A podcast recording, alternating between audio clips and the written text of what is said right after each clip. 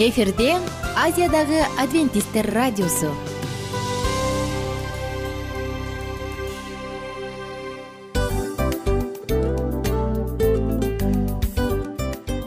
Достор салют. Баардык сүйүктүү угармандарыбызга салам айтабыз. Кутман күнүңүздөр менен.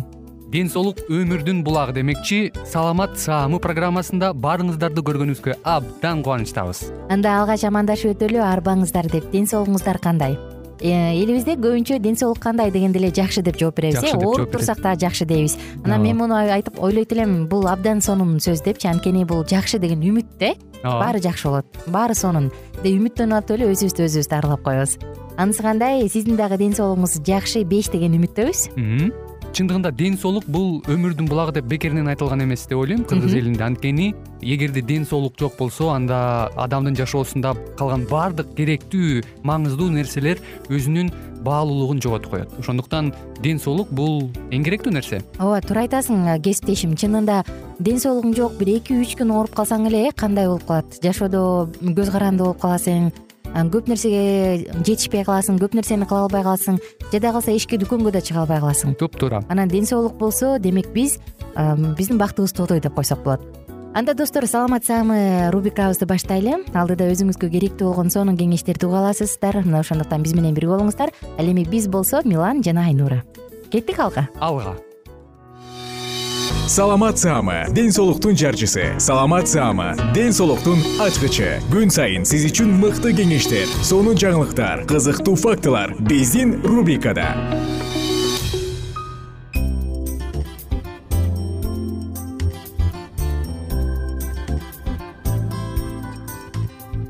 Кутман күнүңүздөр менен достор жалпы биздин сүйүктүү угармандарыбызга дагы бир ирет салам. Жана жалпыңыздар менен амандаша алганыбыз үчүн дагы абдан кубанычтабыз ала тобузда сонун аба ырайы сонун күндөр сонун мүмкүнчүлүк. Демек бул да болсо бизге жараткандан берген белек достор саламатсыама рубрикасы жана бүгүн сиздер менен биз бүтүн дан азыктарынын негизинде жасалган суусундуктар жөнүндө сөз кылалы деп турабыз.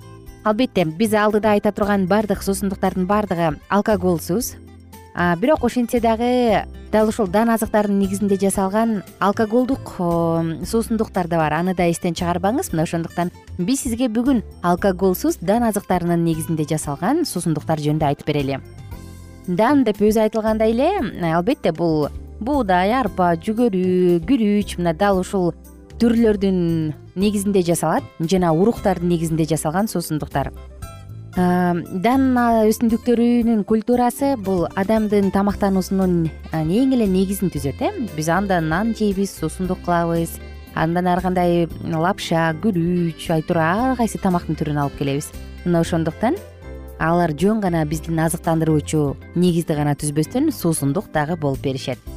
Эң эле башында солот же урук жөнүндө айталы бул өндүрүлгөн же болбосо кургатылган арпанын буудайдын негизинен алынат.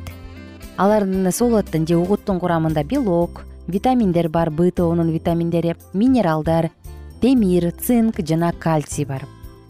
Угут бир гана азыктандыруучу эмес энергетикалык дагы напиток болуп саналат. Ошондуктан спортсмендерге балдарга кош бойлуу айымдарга жана эмчек эмизген апаларга сунушталат. Эми көбүртүлгөн угут жөнүндө солот жөнүндө айтсак ал безалкоголсуз пиво. Пиво кадимки эле ооба сыра бирок ошентсе дагы анын даамы бир аз таттуураак келет. Анын хмель сыяктуу ачуу даамы жок.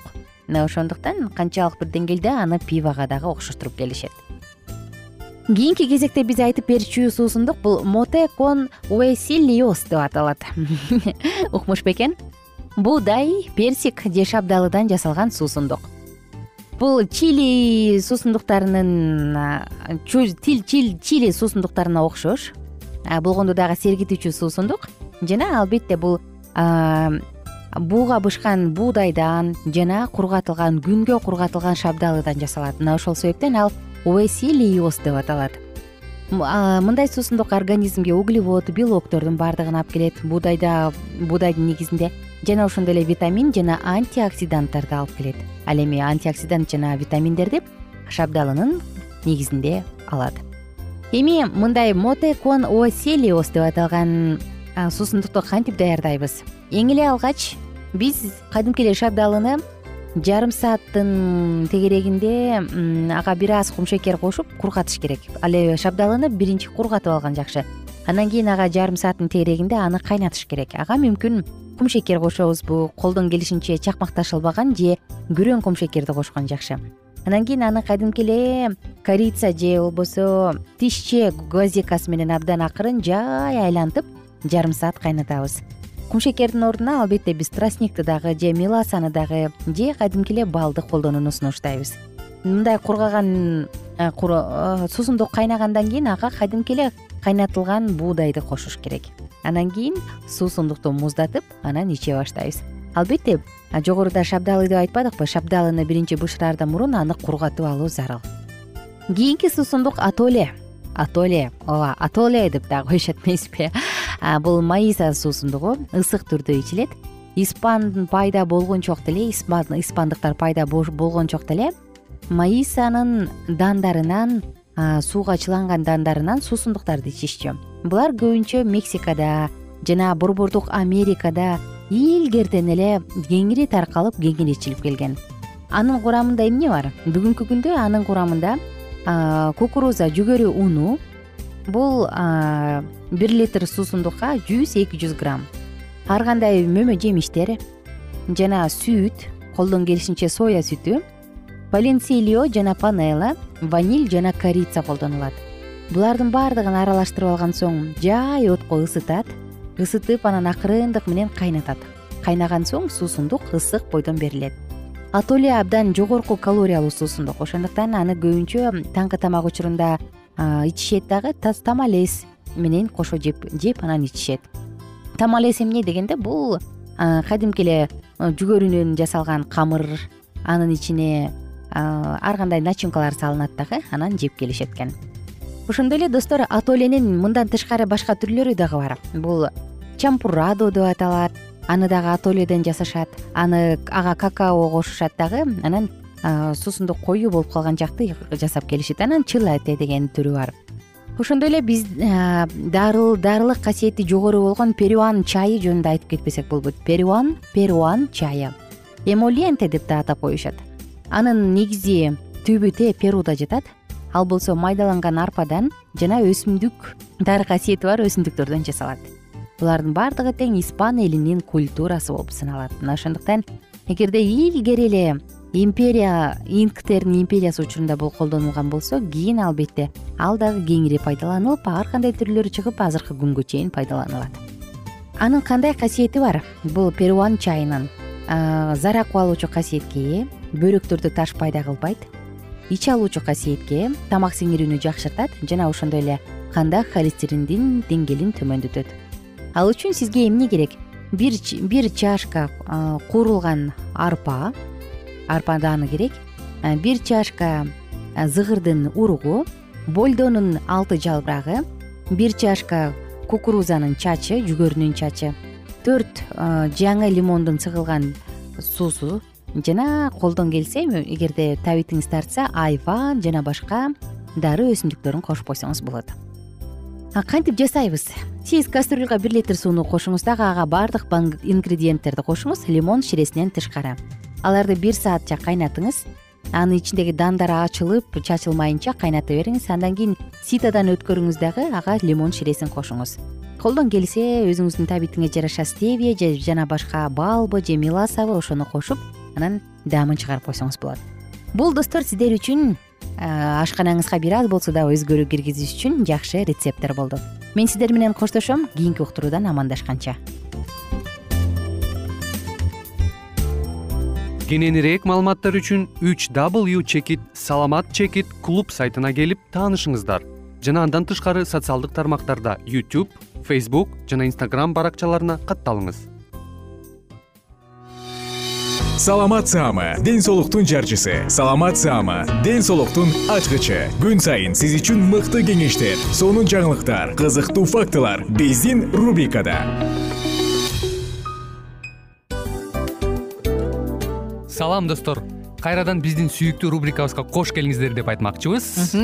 Баардык замандаштарыбызга арбаңыздар деп саламыбызды айтабыз. Улуу ушундай бир урматтаган учурашуу менен анан дил маек радио баракчабызга чакырабыз. Негизи дил маек биздин рубрикабызда эмне жөнүндө кеп кылабыз бул дил маектин мааниси эмнеде? Рубрикабыз менен кичине тааныштырып кетсеңиз сөзсүз түрдө тааныштыра кетейин кесиптешим суранычы боюнча бул учурда бул радио баракчада биз ар тарап кесип ээлеринен сонун кеңештерди алабыз сүйлөшөбүз сырдашабыз аталарыбыздын эжелерибиздин апаларыбыздын кеңештерин угабыз. Айтор жан дүйнөгө адамдын э, сапатына адамдын деги эле адам болуп жашашына керектүү баардык кеңештер алдыда.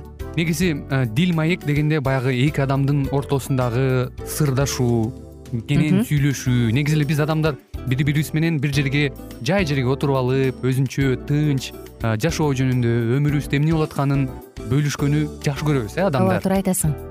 Анан мындай учурга кээде убакыт да жетпей келет э. Же болбосо сырыңды кайгыңды муңуңду кубанычыңды айткың келет а адамга ишенбешиң мүмкүн. Ооба. А бул радио баракча угармандарыбыздын чыныгы досу. Анткени бизден алган кеңеш сиздин жашооңузга чоң жардам берет. Ал эми сиздин бизге айта турган сөзүңүз ортодо гана сыр бойдон калат ошондуктан биздин дил маек рубрикабызга дагы бир жолу кош келиңиздер. Жана биз даярдаган маалыматтарга даяр болуңуздар. Айнура жана милан сиздер менен бирге алдыга кеттик. Ар түрдүү ардактуу кесип ээлеринен алтын сөздөр жүрөк ачышкан сыр чачышкан сонун маек дил маек рубрикасында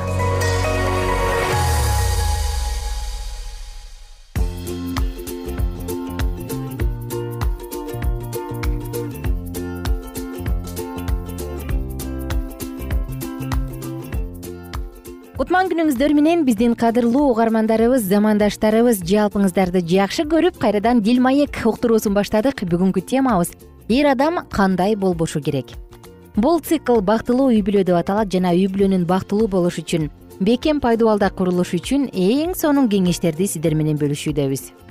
Эр адам кандай болбошу керек көпчүлүк үй бүлөлөрдө ар кандай курактагы балдар бар э?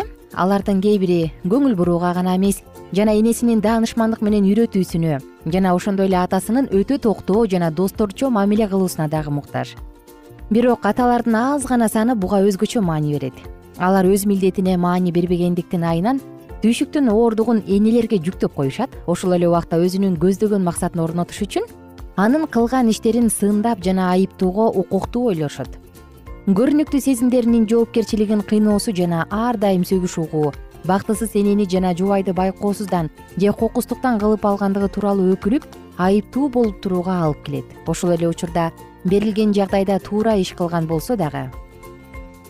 Өзүнө берилген өтө көлөмдүү иш аракеттер жогорку баага жана жага жана кубаттоого татыктуу болсо дагы жолдошу өз милдетине карабайт жубайы экөөбүнүн тең милдетин аткарат деп жүктөп койгондуктан анын үстүнө кайгынын булуттары жүктөлүп жана айыпталууга дагы кабылат байкуш аял.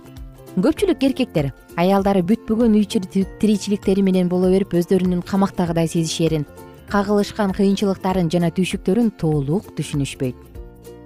Көп учурларда эр адамдар үйүнө ыраазы болбой келишет экен эгерде тамак өз учурунда берилбей калса бир эле учурда үнөмдөөчү үй кызматчылык тамак бышыруучулук кесиптерди аткарып чарчабаган жубай зөөкөрлөрдү угууга дагы зөөкүү ушундай бир зекүүлөрдү дагы угууга дуушар болуп калат э? Байкасак керек муну көп эле. Жалы катуу эр адам өзүнүн чарчап чалдыккан жубайынын колунан баланы ала коюп үй бүлөнү эртерээк тамактандыруусун талап кыла башташы ыктымал эгерде бала атасынын колунда тынчтангысы келбесе ал аны бөпөлөп сооротуп коюуну өз милдети катары эсептеп дагы койбойт. Ал баланын ыйлаактыгынан энеси канчалык кыйналаары тууралуу ойлонуп да койбойт. Бирок чыдамсыздык менен минтип чакырат. Эй апасы кел өз балаңды ал. Уксаңыз керек э мындай нерсени. Эмне бул баланы анын дагы баласы эмеспи? Эмне милдет чыдамдуулук менен кыйынчылыктардын бөлүгүн өз балдарды тарбиялоодо алып жүр деп буйруп жаткан жокпу? Үйдө күгөлөккө томсоргон өкүмчүлүк ата же күйөө өзүн өзү сүйүүчү болсо өзүн гана бактысыз кылбастан бүт үй бүлө мүчөлөрүн жашоого дагы кайгыга салып коет атасынын эң начар мүнөзүнөн аялы ден соолуктан ажырап капалуу балдары ачуулуу болуп калышат. Эртедир кечтир ал үй бүлөсүнөн ушундай эле көңүл бурууну дагы ооруп алат э? Эгерде силер мээримдүүлүк көргөзүүнү сергектикти жана боорукерликти алсыздык катары эсептеп өз жубайыңар менен жылуу жумшак кайрымдуулук жана сүйүүдө сүйлөшүүдө өз даражаңарды түшүрүп алам деп ойлосоңор. Анда силерде чыныгы кайраттуулук жок жана кишилик кадыр жөнүндөгү оюңуз туура эмес. Мээримдүүлүк жакшы иштерди аткарууда бүтүрбөй таштап коюу адаттары алсыздыктын көрүнүшү жана мүнөздүн кемчилиги болуп саналат. Силер алсыздык катары баа берген сапаттарды кудуреттүү кудай чыныгы сылыктык катары эсептейт. Караңызчы эр адамдар өз жубайыңарга руханий өмүрдө өмүр сүрүүсүнө мүмкүнчүлүк бергиле. Өзүңөрдүн жубайыңардан жана балдарыңардан өтө эле көп нерсени күтпөгүлө өкүм чыгарбагыла. Эгерде силер боорукер кубанычтуулуктун рухун сактап алар менен ынаактык жана сыпаякерчиликте сүйлөшө турган болсоңор мына ушундай кылуу аркылуу силер өз үйүңөргө бактысыздык менен кыйынчылыктын булутунун ордуна күн нурундай жаркыраган жарык алып келесиңер өзүңөрдүн жубайыңарга кылган мамилеңер тууралуу ойлонуп көргүлөчү.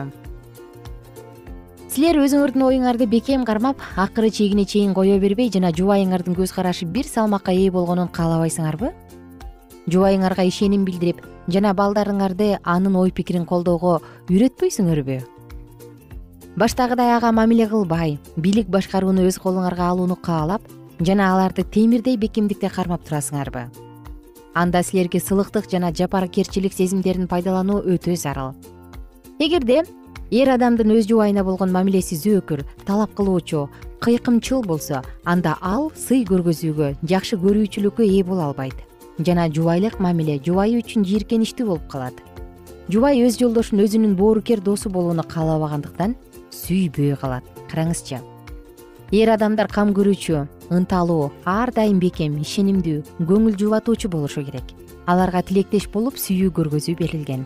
Эгерде эр адамда асыл мүнөз таза жүрөк жогорку акыл боло турган болсо ал үй бүлө мамилесин бактылуу кылат. Мынакей достор бүгүн дагы сиздер менен ачуу чындыкты бир сыйра карап өттүк э? Чын эле кээ бир аталар мээрим жумшак мамиле кылганды алсыздык катары көрүшөт да эркек моундай тарс турс болуш керек дейт.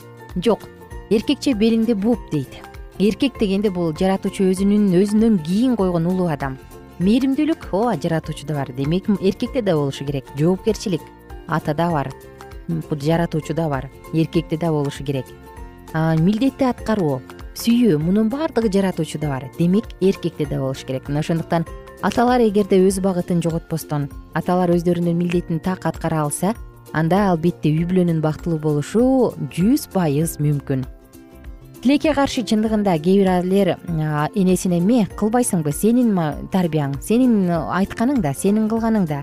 Эмнеге тамак убагында жок? Эмнеге мындай эмес? Эмнеге андай эмес дейт дагы? Бирок келинчегинин ушундай алсыз ийиндерине баардык түйшүктү жүктөп коет дагы анан өздөрү каалагандай жүрө беришет э? Мындай учурда кээ бир энелер чыдабай жок болду.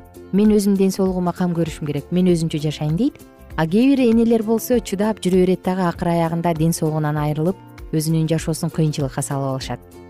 Мына ошондуктан аталар караңыздарчы сиздердин ой моюнуңарда силердин жоопкерчилигиңерде канчалык зор жоопкерчилик бар.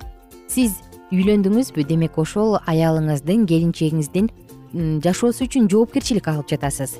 Балалуу болдуңузбу? Анын ар бир көз ирмеми анын ар бир жашоосу кубанычынын көз жашы кайгысынын көз жашы үчүн сиз жоопкерчиликтүүсүз ошондуктан жаратуучубуз сиздерге күч кубат берсин өз милдетиңерди туура так жана кубаныч менен аткарууда. А мен болсо сиздер менен коштошом. Кийинки уктуруубузда дагы сонун маалыматтарды сонун кеңештерди бирге окуп бирге тыңдайбыз. Ага чейин кайрадан амандашканча күнүңүздөр көңүлдүү улансын бар болуңуздар бактылуу болуңуздар. Ар түрдүү ардактуу кесип ээлеринен алтын сөздөр жүрөк ачышкан сыр чачышкан сонун маек дил маек рубрикасында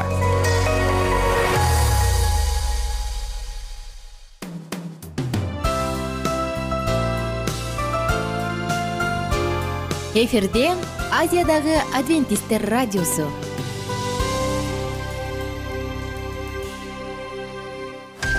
Жан дүйнөңдү байыткан жүрөгүңдү азыктанткан жашооңо маңыз тартуулаган жан азык рубрикасы.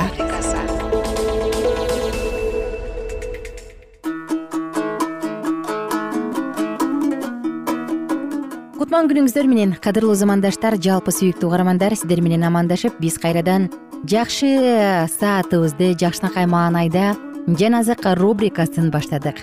Эсиңизде болсо мурунку уктурууларда биз лука жазган жакшы кабарды окуп жатабыз. Инжил китебинен орун алган дал ушул лука жазган жакшы кабарды бүгүн дагы уланталы. Лука жазган жакшы кабар он биринчи бөлүм. Кырк экинчи аяттан тарта. Бирок силерге кайгы фарисейлер анткени жалбыздан адырашмандан жана ар кандай жемиштерден ондук бергениңер менен кудайдын соту менен сүйүүсүнө кош көңүлсүңөр. Муну аткарыш керек бирок тигини да калтырбаш керек эле. Фарисейлер силерге кайгы. Анткени синагогалардын алдыңкы орундарында отурууну эл жыйылган жерлерде алик алууну жакшы көрөсүңөр. Мыйзам окутуучулар менен фарисейлер эки жүздүүлөр силерге кайгы. Анткени силер билинбей калган мүрзөлөргө окшошсуңар адамдар алардын мүрзө экенин билбей үстүнөн басып жүрүшөт. Ошондо мыйзам окутуучулардын бири ыйсага устат муну айтуу менен сен бизди да таарынтып жатасың деди. Бирок ал мындай деди. Мыйзам окутуучулар силерге да кайгы. Силер адамдарга көтөрө алгыс оор жүктөрдү жүктөйсүңөр. Өзүңөр болсо колуңардын учун да тийгизип койбойсуңар. Силерге кайгы. Анткени ата бабаларыңар өлтүргөн пайгамбарларга күмбөз тургузуп жатасыңар. Ушул аркылуу силер ата бабаларыңардын иштерин колдонганыңарды күбөлөндүрүп аларга кошулуп жатасыңар. Анткени алар пайгамбарларды өлтүрүштү. Силер болсо аларга күмбөз тургузуп жатасыңар.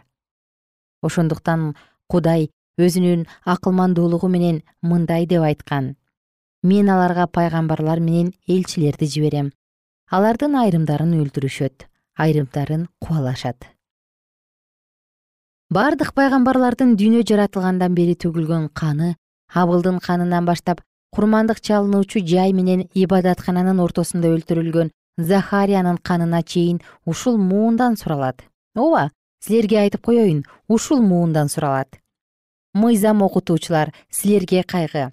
Анткени силер билимдин ачкычын алгансыңар бирок ачып кирген жоксуңар. Кире тургандарга да тоскоолдук кылдыңар ыйса ушул сөздөрдү айтып ошол жерден чыкканда мыйзам окутуучулар менен фарисейлер аны кысымга алып дагы көптөгөн суроолорго жооп берүүгө мажбурлашты. ыйсаны айыпташ үчүн анын сөздөрүнөн кынтык издешти. Лука жазган жакшы кабар он экинчи бөлүм.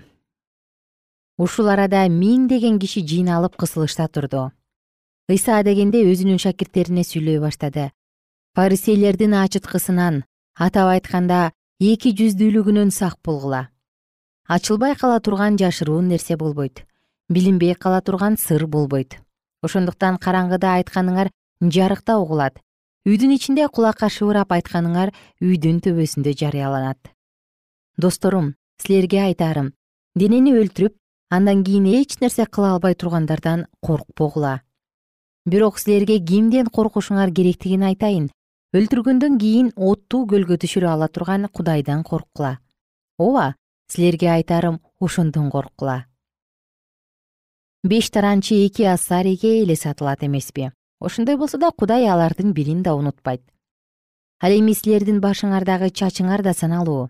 Ошондуктан коркпогула. Силер топ таранчыдан кымбатсыңар. Силерге айтып коеюн. Ким мени адамдардын алдында ачык тааныса адам уулу да аны кудайдын периштелеринин алдында ачык тааныйт ал эми ким адамдардын алдында менден баш тартса кудайдын периштелеринин алдында мен да андан баш тартам. Ким адам уулуна каршы сөз айтса анын бул күнөөсү кечирилет. Ал эми ким ыйык рухка акарат келтирсе анын бул күнөөсү кечирилбейт. Силерди синагогаларга башчыларга бийликтегилерге алып барышканда кантип жооп беребиз? Эмне деп жооп беребиз? Эмнени айтабыз? деп тынчсызданбагыла анткени ыйык рух силерге эмнени айтуу керектигин ошол учурда үйрөтөт. Ошондо эл ичинен бирөө ыйсадан устат агама айтчы ал мурасты мени менен бөлүшсүн деп суранды. Ыйсага эй адам ким мени силерге сот же мурас бөлүштүрүүчү кылып койду эле деди.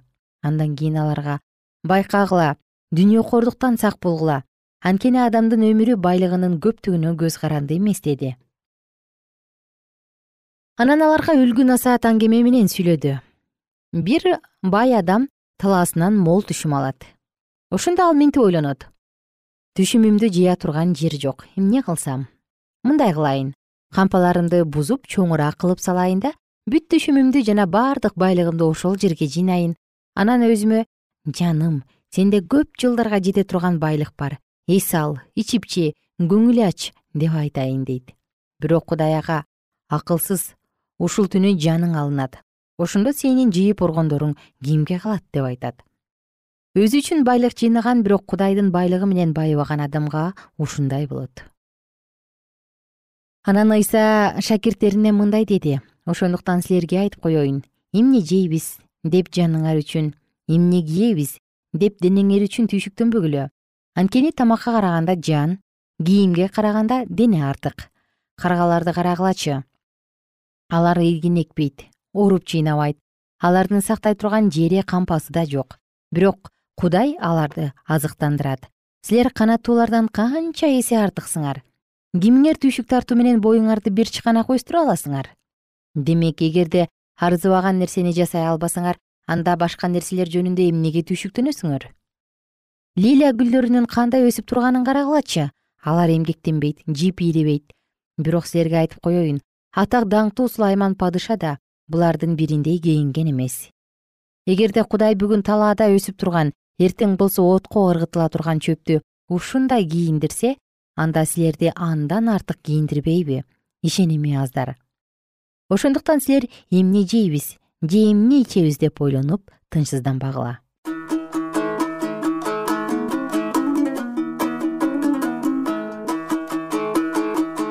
ардактуу угармандар мынакей бүгүн дагы сиздер менен лука жазган жакшы кабардын он экинчи бөлүмүнөн сонун аяттарды бирге окудук.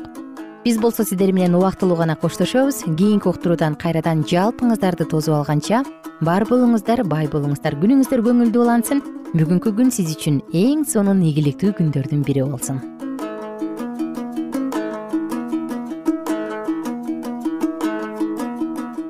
эгер сиздерде суроолор болсо же көбүрөөк маалымат билем десеңиз анда биздин whatsapp номерибизге жазыңыз.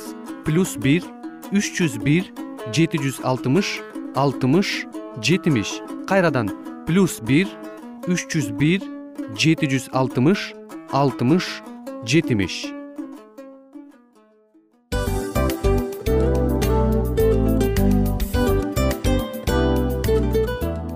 мына ушинтип убакыт дагы тез өтүп кетет экен. Биз дагы радио уктуруубуздун аягына келип жеттик. Келип кубандырдыңар эми кетип кубандыргыла деп тамашалап калышат эмеспи? Анысы кандай? Радио баракчабызды программабызды азыр эле баштап аткандай болдук элек. Мына соңуна келдик э? Негизи убакыт э, билинбей өтүп кетет экен. Мен дагы э, убакыт дегенде бүгүн бир адам менен сүйлөшүп калдым. Анан убакыт бул мүмкүнчүлүк деп айтып өзүмө өзүм айтып алып анан мага өзүмө эле кайра ачылыш болду да чын эле Э, карап отурсаң ошол эле жыйырма төрт саат ошол эле жарым саат кайталанып атат бирок сендеги мүмкүнчүлүк жок ошол кой берилип кетти? Анысы кандай? Бүгүнкү сонун убактыңызды алтындай болгон жарым саатыңызды бизге бөлүп арнаганыңыз үчүн ыраазычылык айтабыз. Анан жашооңуздун кайсы бир сферасын өзгөртө турган сонун пайдалуу кеңеш алган болсоңуз анда биз максатыбызга жеттик. Анан ушул нерсени кылбасам десеңиз ошол өзгөрүүлөрдү кичинекей кадамдардан баштап иш жүзүнө ашырыңыз дагы жашооңузда чоң чоң ийгиликтерге жетиңиздер чын жүрөктөн ар бир берилген кеңештер сөздөр сиздерге пайдасын алып келет деп ишенебиз. Жана кийинки уктурууларда сөзсүз түрдө чыдамсыздык менен сиздерди күтөбүз. Сагынычтуу салам айтып кайрадан дал ушул жыштыктан баардыгыңыздарды тосуп алганча. Кызматта мен айнура жана кесиптешим милан анда кол пул каалайбыз жалпыңыздарга ийгиликтүү күн. Саламатта калыңыздар